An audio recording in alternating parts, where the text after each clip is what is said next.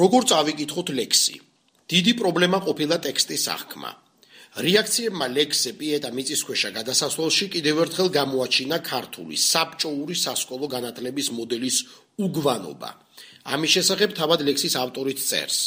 უამრავ ადამიანმა უბრალოდ არ იცის როგორ უნდა წაიკითხოს ლიტერატურული ტექსტი.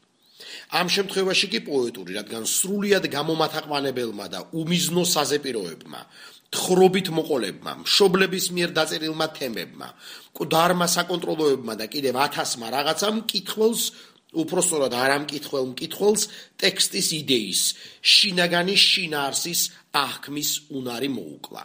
საზეპიროდ გაისმოდა და გაისმის განათლების სისტემის ბრძანება.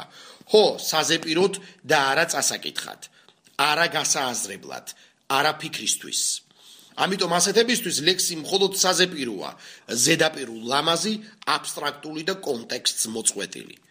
სოციალური ლექსი თურმე საერთოდ არც ჩათვლილა ლექსად. საერთოდ რა კავშირშია ეს სიტყვები ერთმანეთთან, ლექსი და სოციალური? ეს ქართულის მასშტაბლებელს არ დაუვალებია. ტექსტებს ერთმანეთს არ ვადარებ, რადგან ეს ჩვენთან ტრადიციულ მკრეხელობად ითვლება, მაგრამ თავის დროზე არც ილია ჭავჭავაძის სოციალურად კრიტიკულ სტრიქონებს ბედნიერ ერს თვლიდნენ ლექსად. ახლა რომ საზეპიროდ ვამბობ და გონია რომ უშუალოდ ჩვენზე არაა.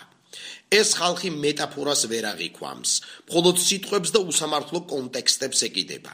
წაიკითხე სიტყვა პატრიარქი და მორჩა, წითელი ნატურა აინთო.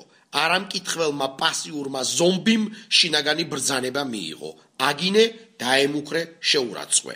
თავარია არ გაიაზრო, თავარია აღქმის სურვილი არ გაგიჩნდეს. კიდევ ერთი პრობლემა.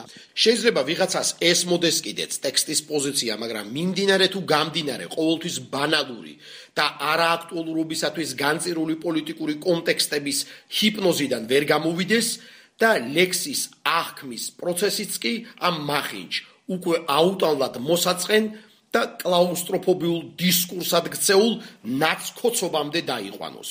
როგორ გვიყვარს ჩვენი პატარა პოლიტსენტიმენტალური სოროებიდან სკერა.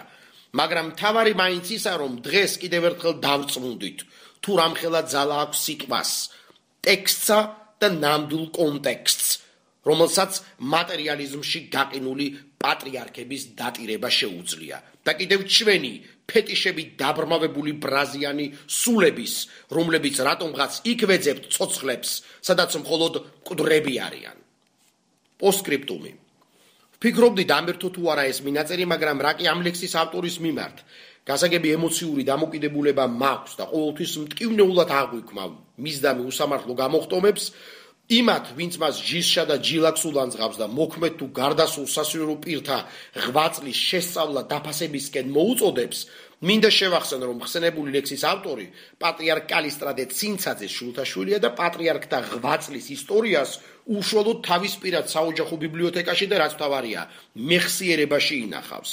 ხოლო მისი ტექსტის თეოლოგიურ ასპექტს ჭკვიანი მკითხველი დარწმუნებული ვარ, ისედაც მიხვდება.